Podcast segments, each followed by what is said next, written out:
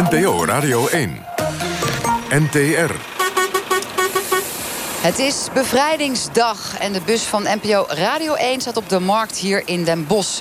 Zo direct praten we natuurlijk een klein beetje na over de winst van Ajax. Maar ook in het kader van de Ramadan gaan we het over Ajax hebben. En we praten in dit uur vooral over de verschillende vormen van vrijheden. Hebben vrouwen wel op alle gebieden vrijheden? En zijn die vrijheden evenveel als voor mannen? En als je bedreigd wordt, mag je dan zelf ook iemand terugbedreigen? Live vanuit Den Bosch is dit het debatprogramma van de NTR. Met Marianne van den Anker. Goedenavond. Elke zondag reis ik in deze knalgele bus van NPO Radio 1 kriskras door Nederland... om het vooral met inwoners te hebben over wat hen nou aan het hart ligt. Ajax won vanavond met 4-0. En het is van groot belang dat de spelers de komende tijd nog in topconditie zijn. Want de ploeg moet nog twee belangrijke wedstrijden spelen. De ontknoping van de Eredivisie staat op de agenda. En natuurlijk de halve finale van de Champions League. En morgen begint de Ramadan. Trainer Erik ten Hag maakt zich geen zorgen. Want onder zijn spelers zijn er moslims. Maar het is een eigen vrije keus. En ja, hij ziet wel wat ze doen. Althans, zo lijkt we hebben aan de telefoon John van Zweden. Hij is directeur van de Engelse voetbalclub Swansea City. John, goedenavond. Goedenavond, goedenavond. Genoten net van de wedstrijd?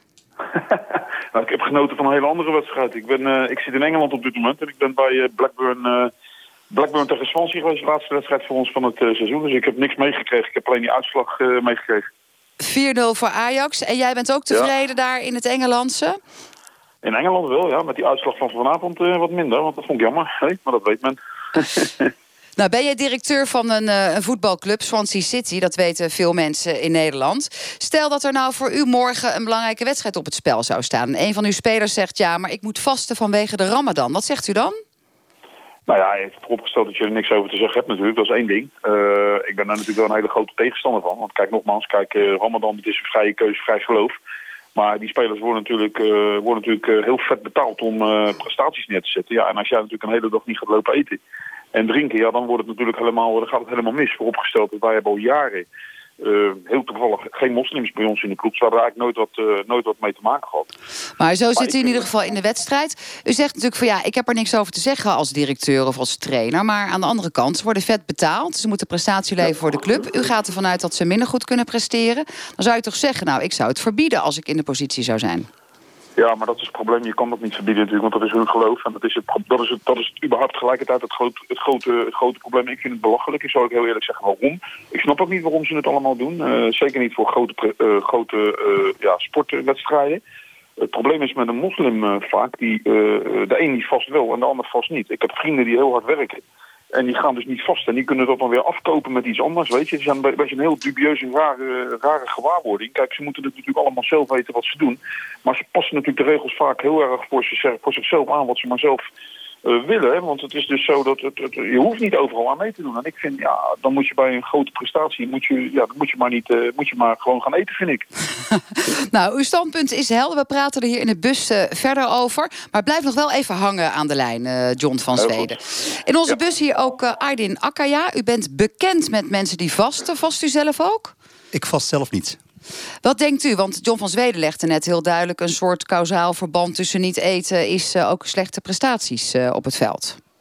Dus als uh, Ajax straks doorgaat... wat, willen ze dan, wat kunnen ze dan op dat moment zeggen? Ik denk dat het niks te maken heeft met wel of niet vasten. Er komt altijd wel een bepaalde kracht naar boven. Dus het besef van iets te presteren, die is altijd aanwezig. Maar de veronderstelling die je zelf verzint dat het minder zou kunnen gaan, ja, die zou je met uh, wetenschappelijk moeten kunnen onderbouwen. En ik zie nergens een, on een onderbouwd iets. Natuurlijk, minder eten, minder water. Maar we hebben commando's die in hele moeilijke tijden moeten overleven zonder eten. En die presteren het ook om zover te komen. En we hebben hier iemand die daar ook misschien meer over kan vertellen. En dat is uh, ondertussen wijst Aydin Akkaya naar een prachtig behangen. Dat mag ik wel zeggen. Het is echt heel indrukwekkend. Uw pak vanuit Defensie, Elvis eh, Manuela. Fijn dat u er bent. u bent natuurlijk hier voor een ander onderwerp om te praten over diversiteit in het leger. Waarin bij Defensie waar u zich uh, druk over maakt en voor inzet. Maar hoe kijkt u aan tegen het idee dat niet eten slecht zou kunnen zijn voor het leveren van topprestaties in fysieke zin?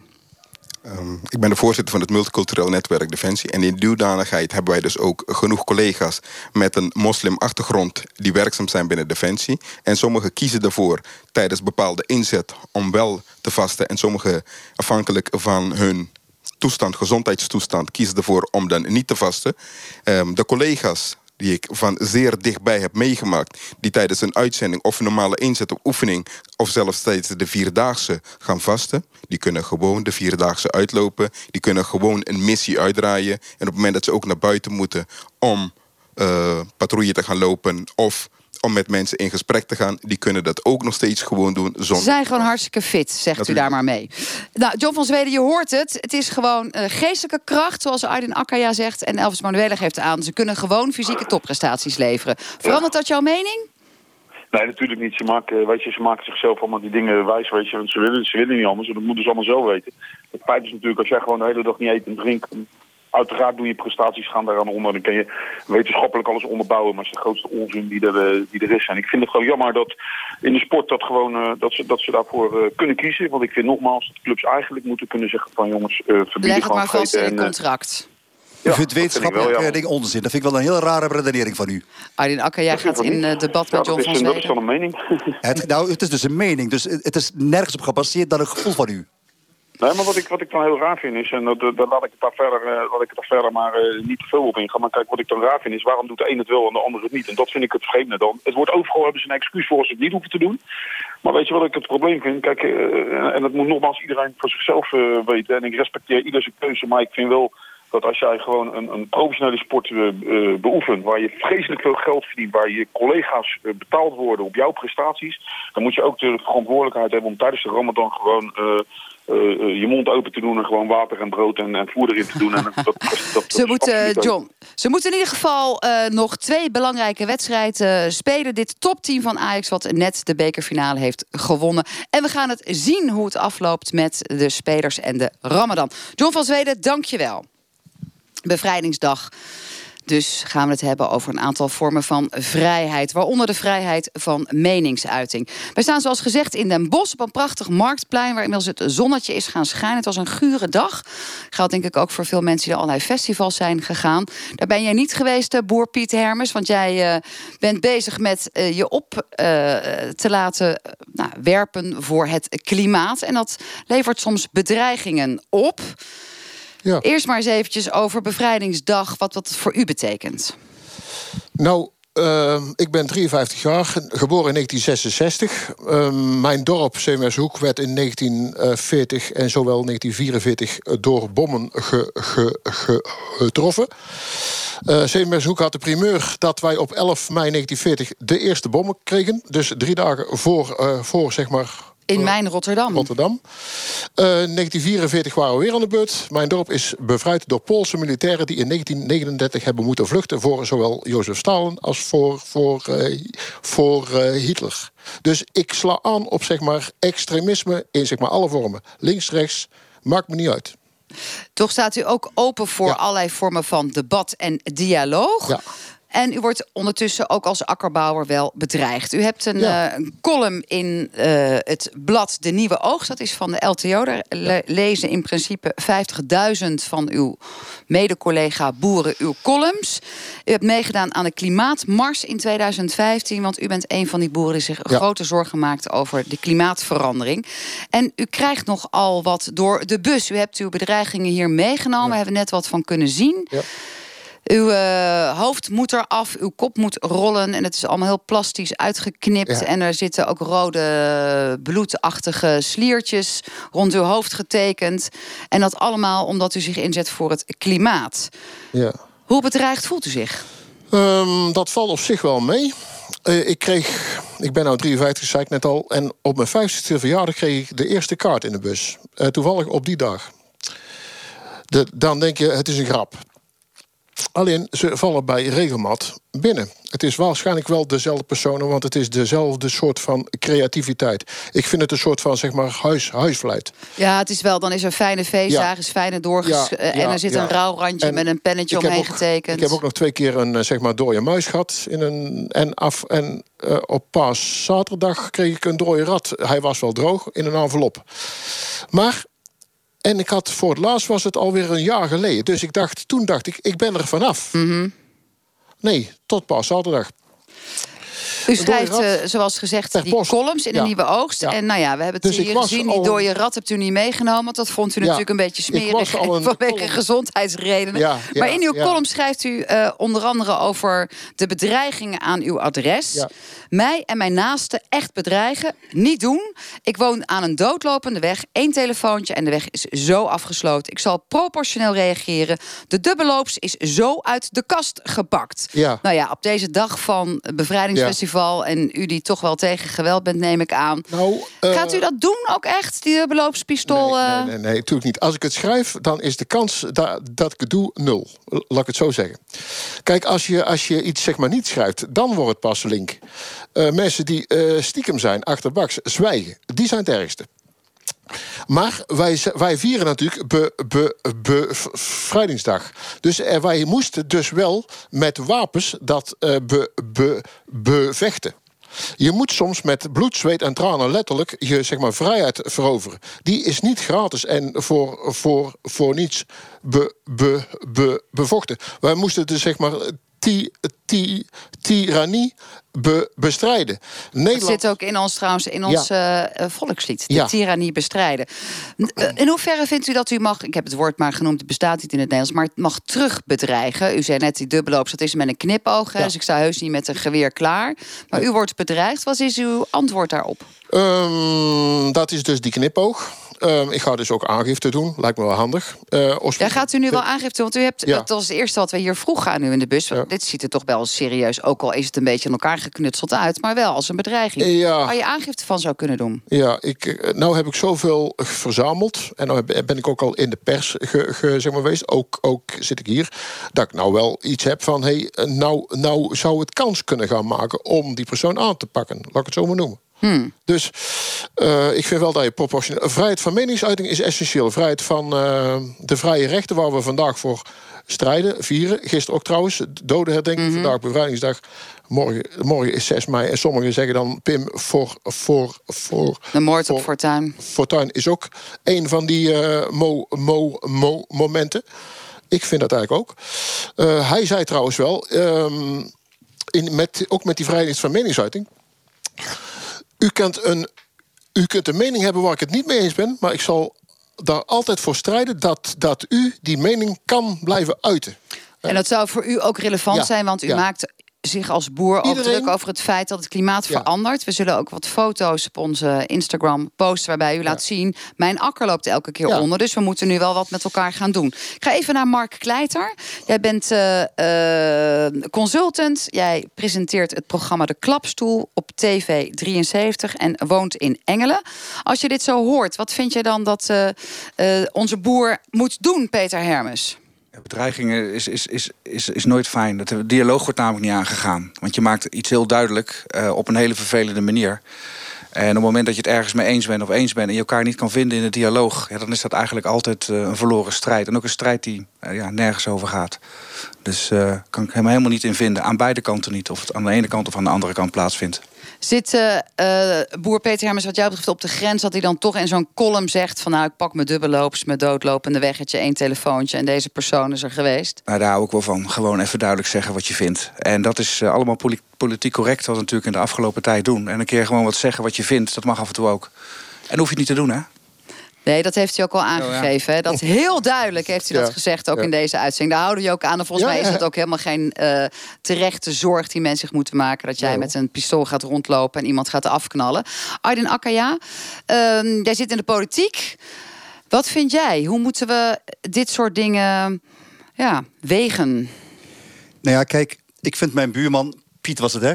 Piet, Is- is het Piet Hermes. Eh, ehm, ik kan me heel goed voorstellen hoe hij reageert. Als raadslid heb ik ook wel eens ehm, een condolansbrief binnengekregen. Gericht naar mijn vrouw. eh, medeleven. En dat is best wel eng. Want dan gaat eh, je leven gaat overhoop gooien. Want je weet niet of het echt is. Wel of niet serieus. Dus je gaat van alles en nog wat uh, organiseren. Dus de reactie van Piet kan ik ook heel erg uh, goed snappen. Dat hij op, op zo'n moment de scheid dan heeft van... joh, uh, het is klaar nou met jou. En nou, als jij iets doet, doe ik het ook terug. Dus ik snap het wel.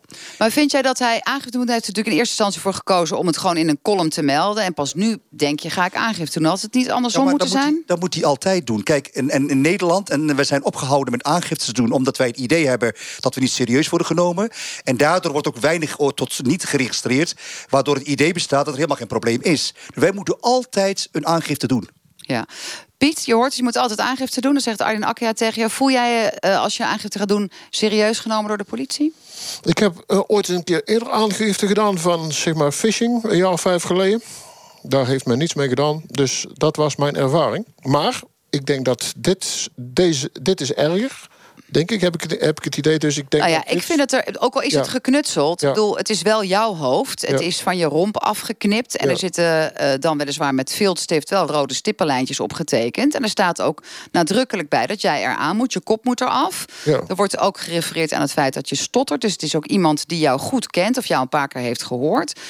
Dus dat zit redelijk dichtbij. Mag ik die stapels nog even zien? Ja, ik zal ze eens even weer doorgeven. Alsjeblieft. Ze gaan eh, via Elvis van Defensie. Daar staat eh, eh, natuurlijk best een stevig plaatje. Hoe kijk jij hierna vanuit eh, Defensie bezien? Aangifte doen. Aangifte doen? Aangifte doen. Direct aangifte doen. Eh, Wat, wat vind jij als je zo naar deze bedreigingskaarten kijkt? 50 jaar gefeliciteerd en dan dit aan de binnenkant. Jihadi John met een mes en die snijdt eh, de kop van de boer eraf. dan hebben we er nog eentje. Precies. Ja. Ik vind het heel vervelend dat mensen niet eh, met elkaar in gesprek gaan. Ik zou heel jaren. graag die mens ont, ont, ontvangen. Iedereen is eigenlijk bij mij, eh, ondanks wat ik schrijf, van, van zeg maar hart, eh, hart, harte welkom. Iedereen kan een kop koffie krijgen, krijgen ga in gesprek. Maar dat zeg ik sowieso tegen mensen. Maar zo, ik laat het nog even zien aan jouzelf. Hè? Want ik vind deze eigenlijk zelf het heftigste. Ja. Er staat ook op doodstraf voor idioot. De klootzak moet dood. Ja, Jij leuk, ligt hè? hier onder een stippenlijntje met een afgesneden hoofd. Dramatisch einde aan dramatisch leven. Goh. Wil je met zo iemand in gesprek? Ehm, waarom niet? Je moet al, eh, ik snap dat mensen boos zijn. Maar je moet toch, ondanks al je boosheid, een keer toch in gesprek. Misschien ook, ook om te zeggen, waarom doe je zoiets? Gewoon, maar als men het stuurt, ben dan ook zo, heb dan ook het lef om me het in mijn gezicht te zeggen. Maar ja, als het zover was, had hij... Aydin. Ja, sorry, eh, Marianne. Als, als hij eh, dat niveau had, had hij niet op deze manier eh, gehandeld. Hey, dus, dus, dus er mankeert al iets aan deze persoon. Ja, dat, dat zal wel dan. Nou, lijkt het alsof die vier kaarten wel zijn gestuurd door een en dezelfde persoon. Als je kijkt naar het knip- en, Ja, en plakselwerk. Ehm, ja, je kan ook zeggen, ik laat deze persoon lekker voor wat hij is. En eh, ik geloof het verder wel. Tot op eh, heden deed ik dat. En, maar nou, die, ik was toch al van plan een column te schrijven over extremisme. In verband met 4, 5 en 6 mei. En toen kreeg ik toevallig die rat in de bus. En nog even één ding. Begrijp jij waarom degene... want we hebben ook nog andere bedreigingsbrieven... ook van eh, wellicht een collega boer. Hè? Dat is iemand die zich wel presenteert als... ik ben de dochter van een boer. Ja. Waarom maken mensen zich zo druk over jouw standpunt? Want als boer maak jij je druk over het feit... dat jouw akkers elke keer Ja. onderstromen. Waarom mag je niet melden dat je al zeg maar als sector, ik, ik, ik, ik ben het niet in mijn eentje, al zeg maar 20 jaar schade ervaart door eh, extreme buien, waarschijnlijk door die kli- klimaatverandering. Wat is dat toch dat je geen feiten mag melden? Voor die tijd was het niet en nu wel. Ik vind dat raar. Dat je, eh, ik ben geen wetenschapper, ik kan het ook niet onderbouwen. Maar alles wat, zo ongeveer alles wat wetenschap is, zegt dat het zo is. Wat is dat toch? Dat men eh, dus bedreigingen geuit terwijl ik gewoon, als ik geulen moet graven, zoals vorig jaar, het jaar daarvoor, er zijn foto's van. En vele boeren hebben het zelf ook ervaren. Dat dat zo is. Ik, ik ga geen geulen graven voor, voor, mijn, eh, voor, voor, de, voor de lol. Want ik heb gruwelijk grote schade. Ja. Terwijl in die 20 jaar, wat is er ook gebeurd? Steeds langere files, steeds langere rijen op Schiphol. Steeds meer eh, con, con, consumptie. Men kijkt weg. En dat, dat irriteert mij. En, En- dus, hoe dat schrijf ik dat op? En daarom hopen wij dat jij heel veel steun krijgt van jouw collega boeren en van de politie als jij aangifte gaat doen. Ik- Dankjewel voor dit moment, eh Pieter Hermers. Heel veel succes ook. Met, eh, ja, en mag zo direct meepraten over alle andere onderwerpen. Waaronder, omdat het bevrijdingsdag is, de vrijheid van vrouwen. Hebben zij anno 2019 wel op alle gebied evenveel vrijheid als mannen? Yesenia de Winter vindt van niet. Volgens haar moeten vrouwen ook staand kunnen plassen. Nou, de hele tafel is hier bezaaid met plastic schuitjes in eh, acht kleuren. En er is er zelfs één, heb ik begrepen, met glow in the dark. Eh, we kijken naar een plastic schuitje. Aan de achterkant is het wat breder. Er zit een plat randje op. Het loopt tapstoel. Eigenlijk als een soort trechtertje. Nou, we hebben het niet zozeer over jouw product, maar wel over de reden waarom jij deze plastuit voor vrouwen naar Nederland hebt gedaan. Wat was daarvan de oorzaak? Ja, eh, dat beging met mijn dochter. Mijn dochter Gabriela, een paar jaar geleden is de school van mijn dochter afgebrand. En toen moesten al, alle kinderen naar het noodgebouw. En eh, daar bij de noodgebouwde wc's waren zo vies dat Gabriela wou daar niet plaatsen. Zij, eh, binnen één jaar tijd kreeg ze eh, drie keer blaasontsteking. En de derde keer dacht ik, hier moet iets, ver, iets veranderen. Bestaat niet iets dat de dames en kleine meisjes gewoon discreet kunnen plaatsen zonder, zonder de vieze- Staand. Net ja, zoals de mannen dat zo heerlijk ja, kunnen doen. Zonder de vieze wc's aan te raken. Dat bestaat wel, van karton. Maar eh, ja, we hebben van alles geprobeerd. De kartonnen, de siliconen. Ja, de kartonnen gebruik je een keer en dan gooi weg. Siliconen, ja, onhygiënisch vond. Eh, en eh, wij waren in Amerika en daar heb ik eh, dus eh, Wixie gevonden. En wij, eh, wij waren zo enthousiast van het product. Eh, want met zo'n Wixie, voortaan wij als dames kunnen heel discreet staan plaatsen. Je Onze- kunt staan plassen om die Ja. vrijheid te krijgen. Is het ook nog, want ik zit er even naar te kijken, hygiënisch? Want je hebt ook zelfs een bewaarzakje. Ik heb een, een, een promotiefilmpje gezien. eh, en daarmee hopen jullie eigenlijk dat dit meegaat in elke damestas binnenkort. Ja. Maar er zit geen wc-papiertje bij. Nee, eh, waarom? Eh, ja, eh, met zo'n product dus kan je heel discreet plaatsen. Onze broek hoeft niet meer naar beneden. Eh, hoe doe je het dan? Knop los, riets naar beneden, onderbroek opzij. Maar is dat hygiënisch? Want daar gaat het meestal om. Hè? Dat mannen, ik weet niet hoe dat zij het doen. Maar bij vrouwen weten we dat het belangrijk is om het even goed schoon te maken. Anders gaat het stinken en wordt het Eh, vies. daarom ga ik jou uitleggen. Dus eh, knop los, riets naar beneden, onderbroek opzij. Schrijf je het product zo tussen je benen. Duw je iets naar beneden en ja, laten gaan. En laten gaan en dan afvegen met dat dingetje. Ja, nou, want eh, we hebben hier een speciaal rond, eh, rand laten maken. Als je naar voren trekt, dan veeg je meteen af. En dan kan je hergebruiken. Nou, het is in ieder geval eh, in het kader van Bevrijdingsdag veel vrijheid voor vrouwen. Als je overal zou kunnen plassen. Dan mogen mannen overigens ook niet wild plassen. Hè? Nee, nee. Maar op al die festivals is het inderdaad wel zo. En op, vaak ook, ook op openbare plekken. Er zijn weinig wc's voor vrouwen. En als ze er zijn, is het ook vaak echt knettersmerig. Ja, is, eh, dat, dat is eh, het probleem. Dus als je gaat naar festival, als je gaat wandelen, als je gaat fietsen, is meestal onze probleem als, als vrouwen. Geen wc's, vieze wc's. Wat doe je dan in zo'n situatie? Verstoppen. Staand plassen, net als de mannen. Ja, Ik vind het Mark. Leijten, wat vind jij daarvan? Ja, ik vind het geweldig. Op, eh, ik ben een paar keer naar Lowlands geweest met mijn dochters. En eh, dat is gewoon eigenlijk altijd een probleem. Dat ze dan niet staand kunnen plassen. En niet zozeer dat het moet. Ja. Maar je kan het in ieder geval. Dus eh, ja, dat, eh, dat had wel twintig jaar eerder gekund, eh, dit apparaat. En vind je dan ook dat we zover moeten gaan dat mannen en vrouwen naast elkaar staand gaan plassen? Op alle festivals zie je dat dat geen probleem is. Dat is eigenlijk alleen maar van oudsher dat we dat nog doen. Maar Want we hebben tegenwoordig ook al genderneutrale wc's. ja, ik kijk gewoon waar is de wc. En eh, het interesseert me eigenlijk niks. Nee, maar misschien zouden voor vrouwen... Zouden jouw dochters dat doen? Ehm, nou, Staand plassen? Ja, ja, die, En naast mannen? ja, pff, ja, Ja. voel je een beetje beschroomd. Maar als je een paar bier op hebt, dan eh, kan ik me voorstellen dat er wat is, wel. ja, dat heb je gezien. Dat wel is een taboe rondom vrouwen. Heren vinden oké, prima. Maar voor dames is altijd de eerste stap is altijd moeilijk. Maar als je praat met de dames eh, over het probleem, over de situatie, noem maar op. De dames worden gewoon enthousiast van het product en, en dat gebruik ik zo plaats. En gaan dus, want het, het is voor jou vooral bedoeld om staandplassen mogelijk te maken. Maar feitelijk zit daarachter het verhaal van vrijheid. Vrijheid. Als vrouw, Ja, overal ook gewoon Ja, normaal ja, want- hygiënisch kunnen plassen. Maar waarom zit er dan een taboe op? Taboe, ja, taboe omdat uh, sommige dames, uh, wij kennen niks, niks anders dan gewoon hurken. Wij zijn de, zij kijkt mij aan, hè? we zijn de enige twee vrouwen in deze bus. Ja, sorry. Wij luisteren. Maar ja, wij kennen niks anders dan alleen maar hurken. In standplaatsen ja, is... En hurk is ook al dat gespetter. Er zitten je schoenen weer onder. Nou ja, we kunnen er allemaal over meepraten als vrouw. En vooral dat je soms een wc binnenkomt en echt denkt... ja, waar begin ik aan? Nee, nee, nee. Kun je daar iets bij voorstellen, Aydin Akkaya? Dat het vrouwen vrijheid geeft als je staand zou kunnen plassen? Ik heb totaal geen problemen mee. Waar ik wel problemen mee heb, zijn twee dingen. Eén, uh, hygiëne. Uh, het gaat stinken, dus je moet het schoon kunnen maken. Daar waar geen water is, uh, moet hij droger in, dus het gaat stinken. Maar goed, daar kunnen ze misschien zo vinden. Dat is, dat is iets anders. Het belangrijkste vind ik maar veel belangrijker, mannen en vrouwen naast elkaar, dat vind ik echt niet kunnen. Dat is een zo'n grote onzin. Met alcohol op kunnen allerlei gekke dingen gebeuren.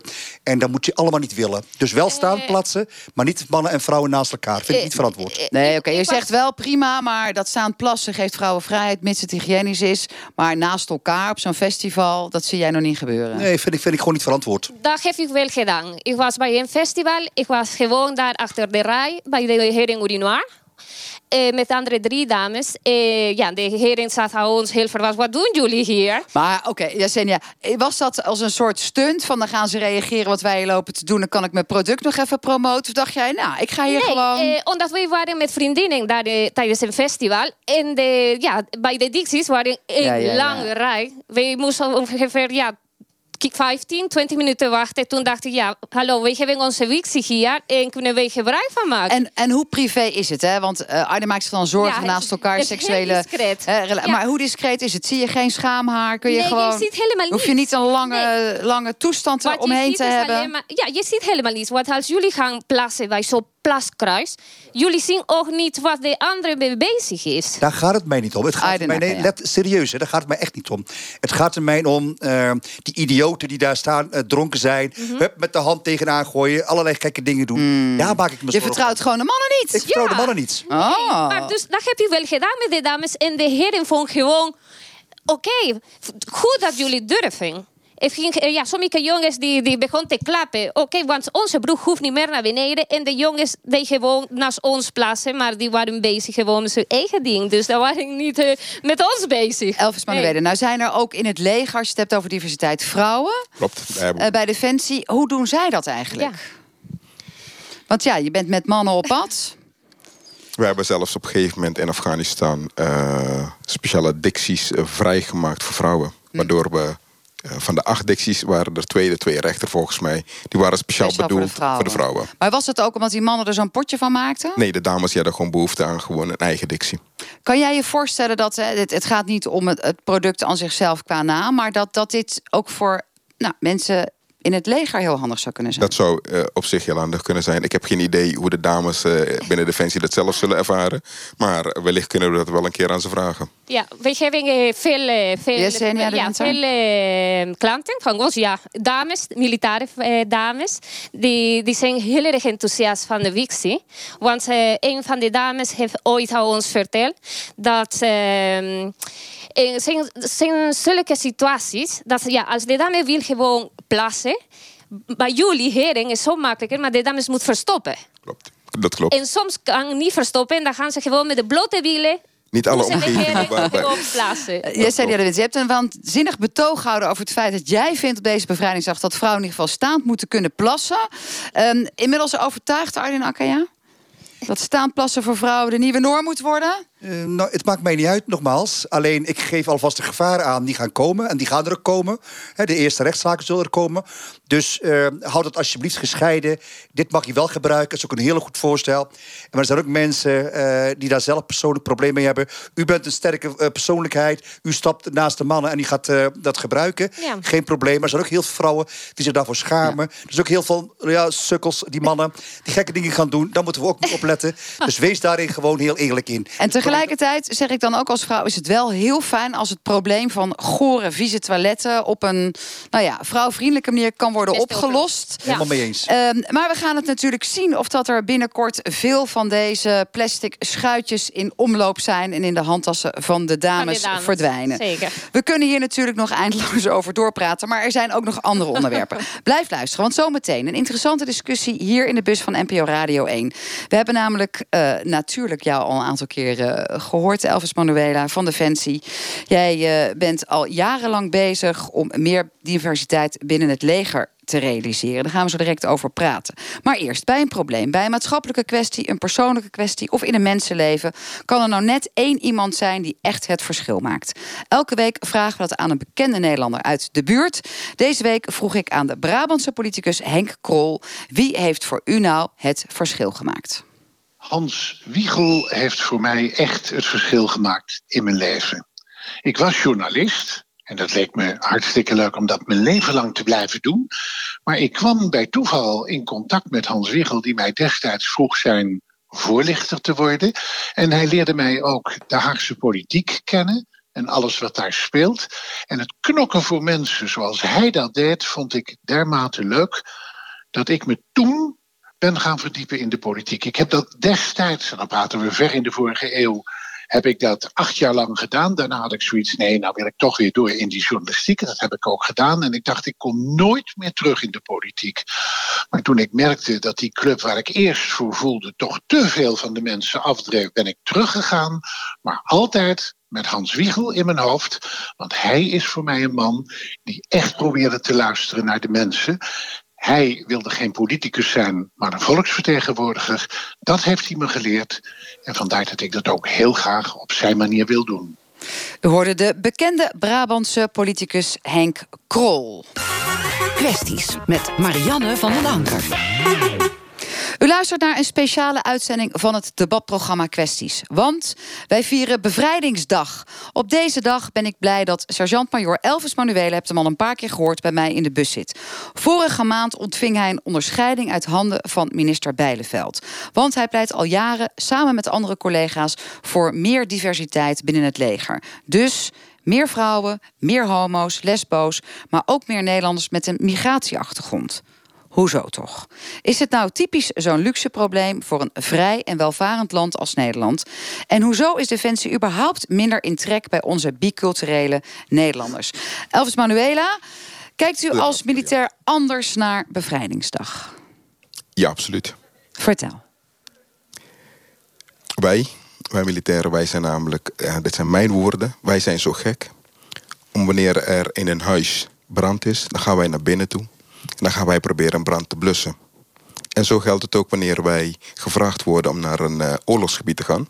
Dan weten wij dat wij in ieder geval ons leven ervoor kunnen geven. Maar dan zijn we daartoe bereid voor een stukje veiligheid en vrijheid in de wereld. Dat wij er geen seconde over nadenken.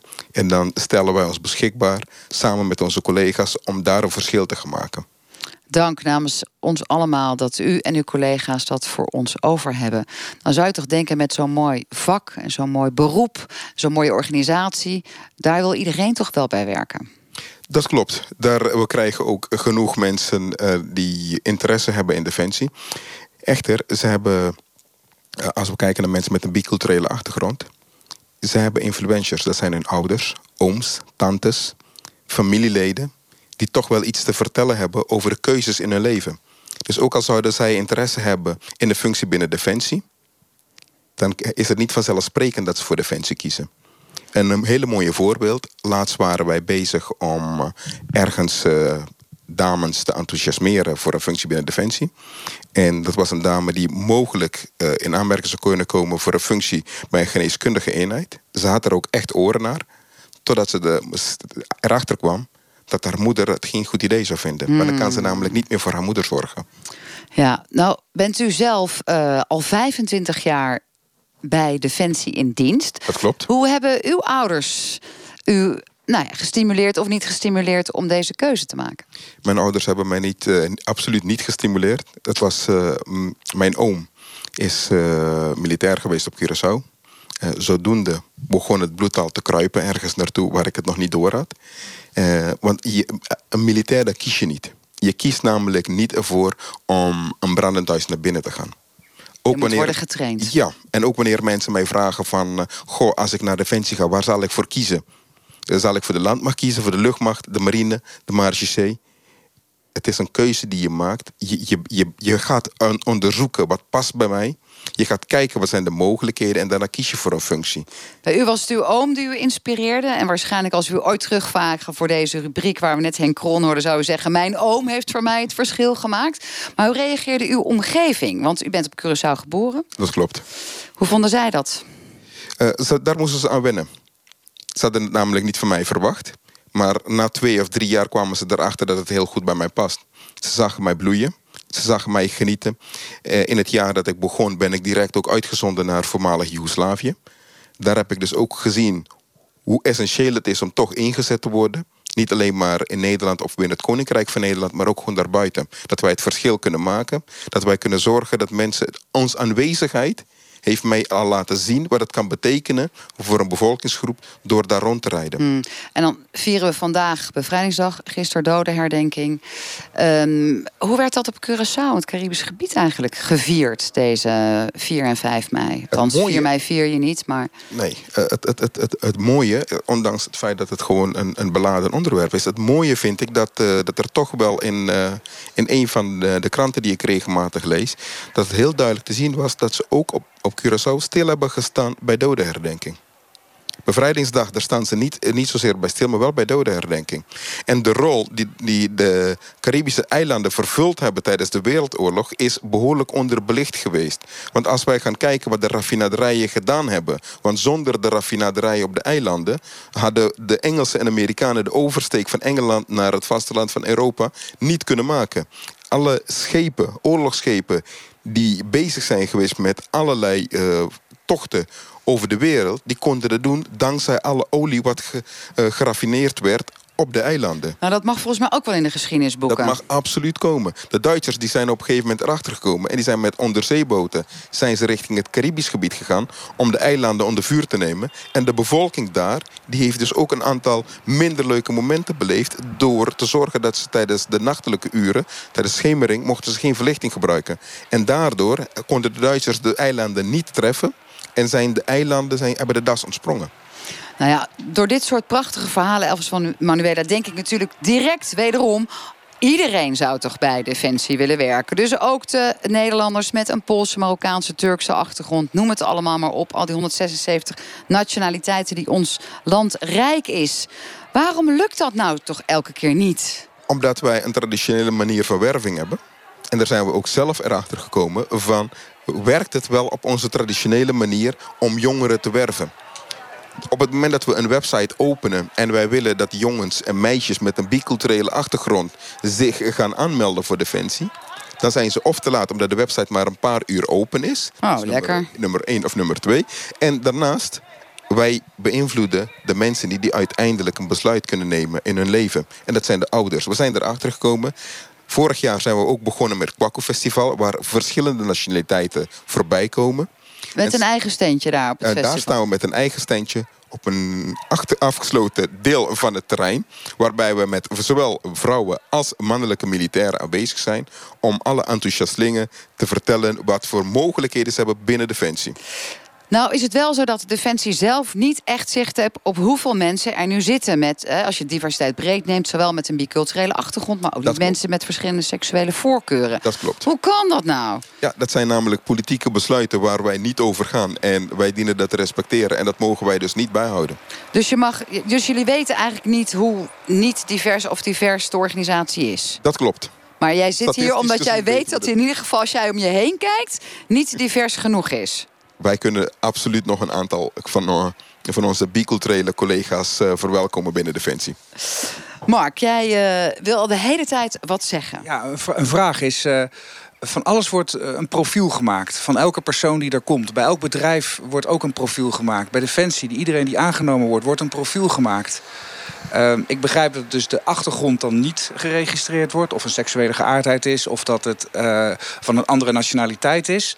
Ehm, Nee, nationaliteit moet Nederlandse nationaliteit zijn. Het, moet, het, ma- ja, het maar kan het alleen kan iemand zijn. achtergrond hebben. Of Ja, een Marokkaanse precies. achtergrond eh, Ja. hebben. Als je maar Nederlander bent. Ja. En dubbele paspoorten zijn niet toegestaan in het leger? Geen enkel probleem. Dat is geen enkel probleem. Nou, zelfs geen belemmering. Ja, Is misschien nog het feit dat mensen zeg maar niets met Nederland hebben. Dat horen we ook wel als het gaat over het migratie-issue. Dat als er eh, Nederlanders zijn met een biculturele achtergrond... ze niet altijd wat op hebben met ons vaderland. Is dat nog eventueel een blokkade? Nee. Dat is absoluut niet mijn ervaring. En waarom is het niet mijn ervaring? Omdat ik namelijk regelmatig met mijn collega's met een biculturele achtergrond in gesprek ben.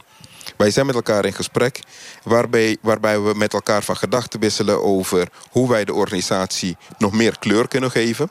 In niet alleen maar kleur qua huidskleur, maar ook kleur in uniform. Maar dat hebben wij gewoon nodig. Zeker gezien de 8000 vacatures die we momenteel hebben... kunnen wij op dit moment iedereen die geschikt is binnen onze... geschikt is door alle selectie heen te gaan... kunnen wij absoluut gebruiken. Ja. Mark, denk jij dat er wat anders speelt gezien jouw kritische vragen?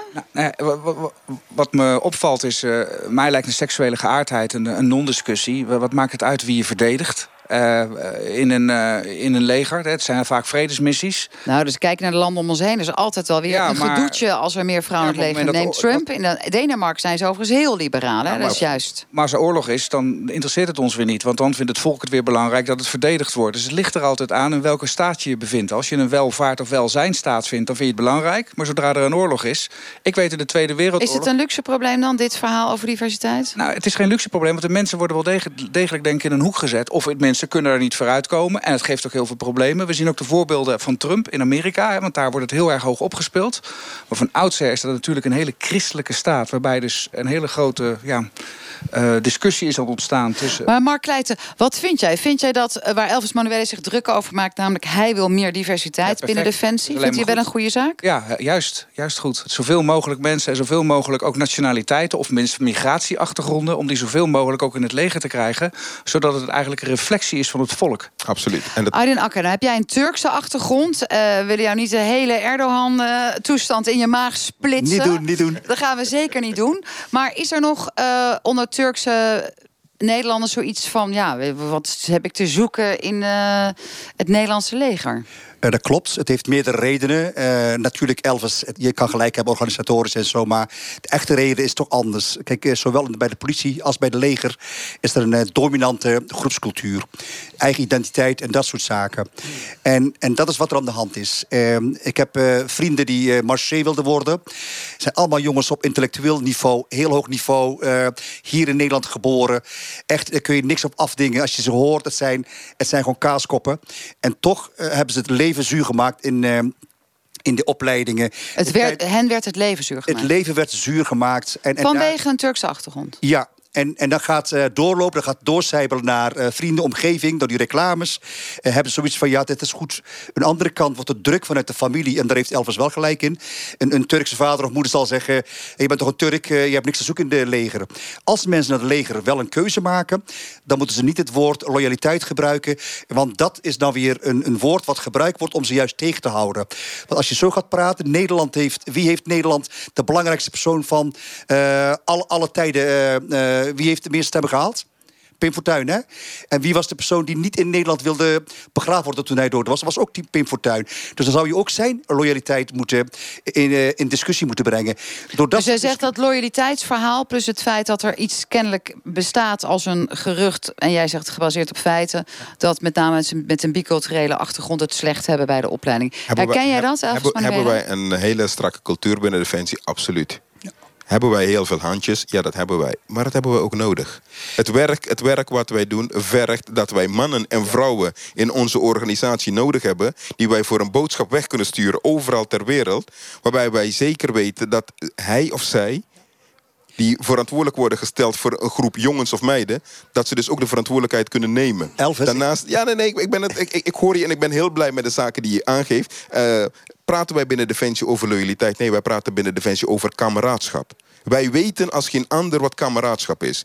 En kameraadschap betekent dat het mij geen enkel iets uitmaakt wat iemands achtergrond is, wat iemands seksuele voorkeur is. Op het moment dat ik namelijk met iemand op pad ga, waar dan ook ter wereld, dan wil ik maar één ding weten. Ben jij bereid om mij te beschermen wanneer ik namelijk mijn rug omdraai? ik ben, En Aydin kijkt bedenkelijk, omdat hij met die verhaling in het achterhoofd zit... van die Turkse hoogbloeiers en superslimme gasten... die natuurlijk uiteindelijk niet voor dat leger meer hebben gekozen. verder, Marianne. Kijk, ik ben met jou eens, Elvis. Alleen de realiteit is anders. En dat is, welke is dat? Want binnen de leger, dat klopt. Kameraadschap. Maar, maar dat is ook de reden waarom. ik- Maar dat is de reden waarom het multicultureel netwerk Ja. in het leven is geroepen. En het is niet zomaar dat we in de. Kijk, wij zijn door de hoofddirecteur personeel.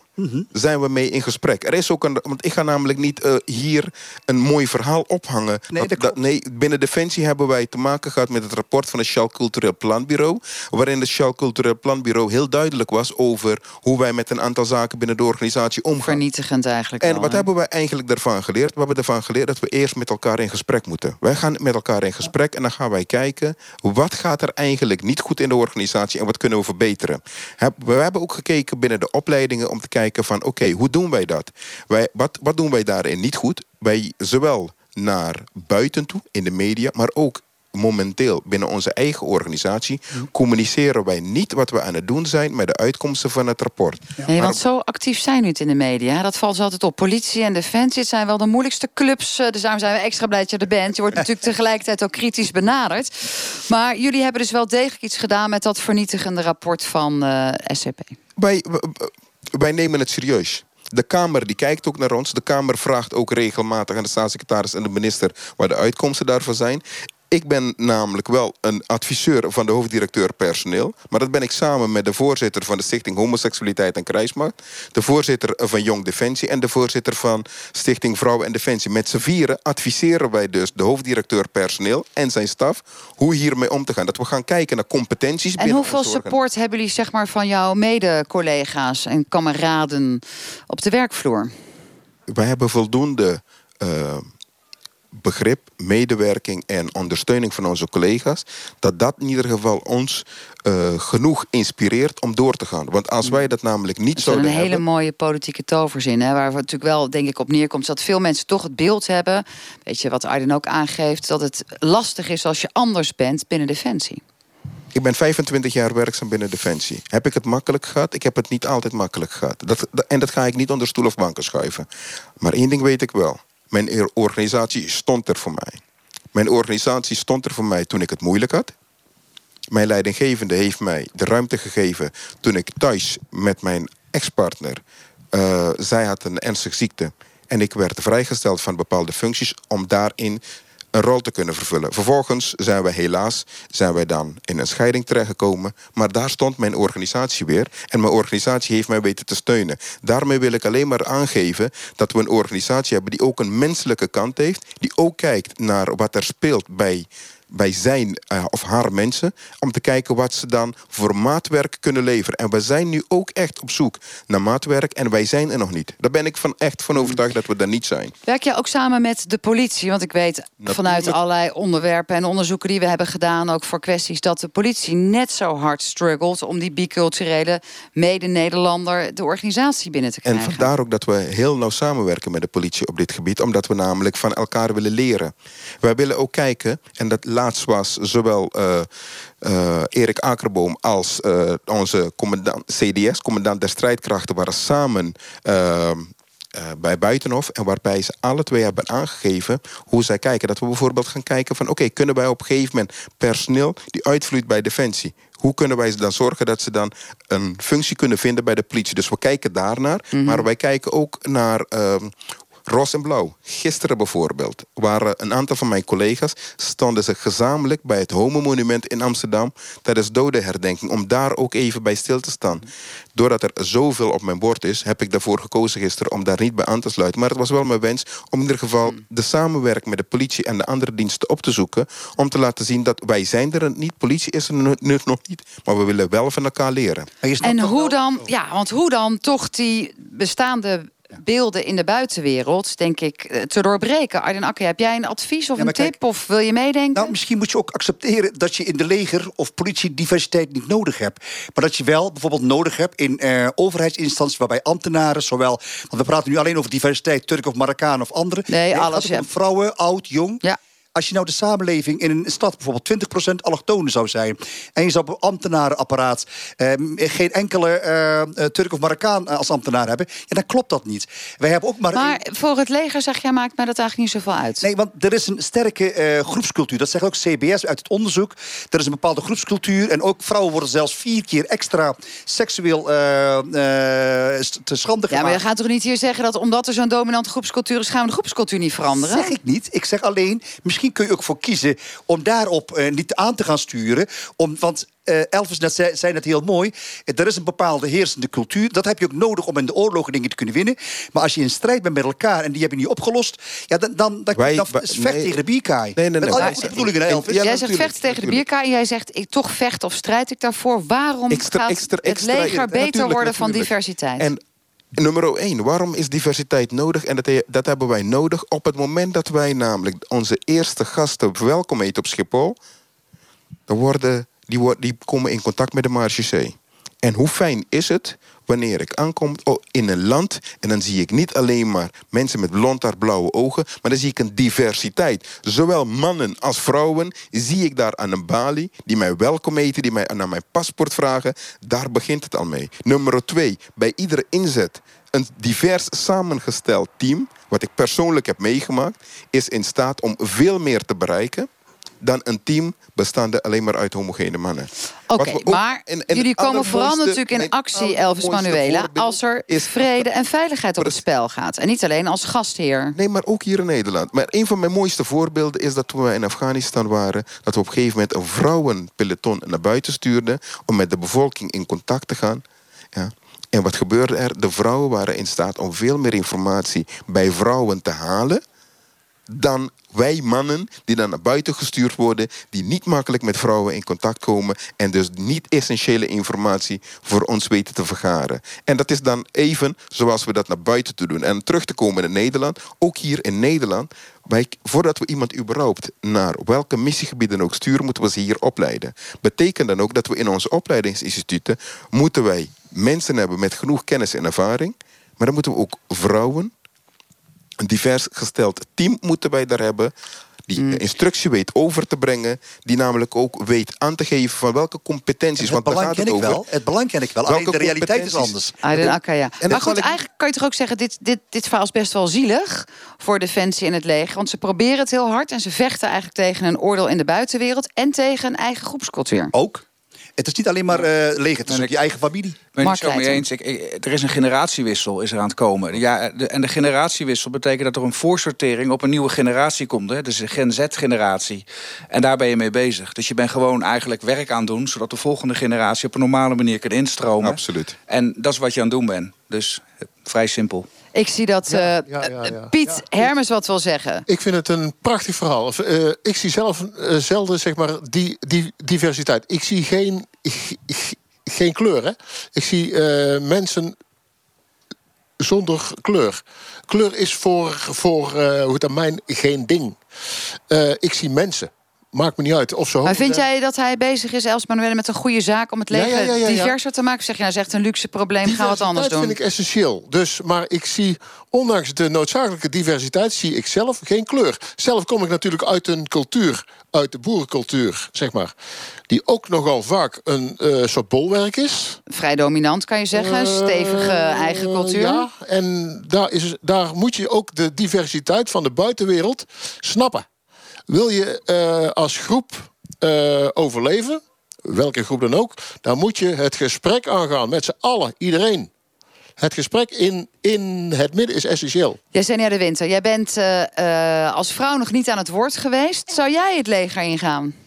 Eh, nee, dat vind ik geen. eh, ja, vind ik heel erg knap wat de dames, militaire dames in zelf doet. Maar ik zelf eh, zou ik niet. Heb jij nog een, eh, een tip? Want je hebt zelf ook een biculturele achtergrond. Ehm, zouden, zijn jouw familieleden en jouw vrienden eh, blij om naar het leger te gaan, denk je?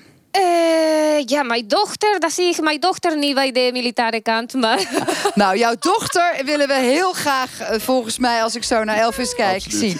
Dit was eh, Kwesties vanuit Den Bosch. Dank jullie allemaal. Luister zo direct naar de radiodocumentaire Het Schimmenspel van Radio Doc. Dat allemaal na de nieuwsupdate van de NOS. Een hele fijne avond. Wij zijn er uiteraard volgende week weer. En straks om tien uur nog langs de lijn. Met het vervolg natuurlijk uiteraard op de wedstrijd van Ajax. Tot volgende week. Dank jullie allemaal. Hier schijnt de zon. En dat is mooi voor ons.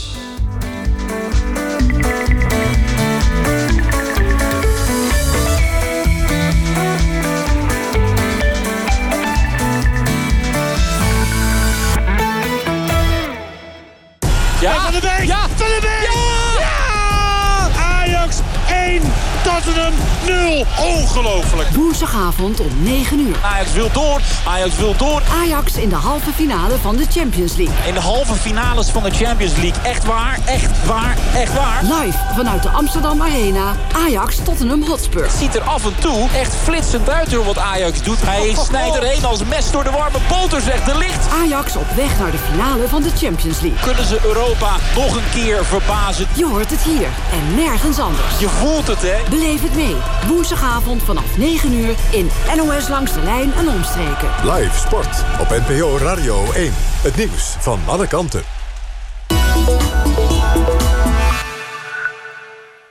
Alles klinkt mooier in het Concertgebouw. Ook Janine Jansen met het Chamber Orchestra of Europe op 28 mei. Met het eerste vioolconcert van Tsimanowski en Slavische dansen van Dvorak. Bestel op Concertgebouw.nl.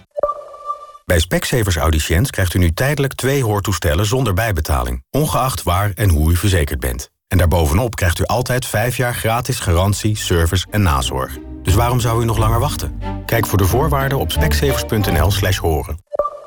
Heb je boeken nodig voor je werk of voor een opleiding? Bestel ze bij managementboek.nl. De specialist voor managers en professionals. Makkelijk en snel. Managementboek.nl In je slaapkamer gebeurt zoveel meer dan slapen.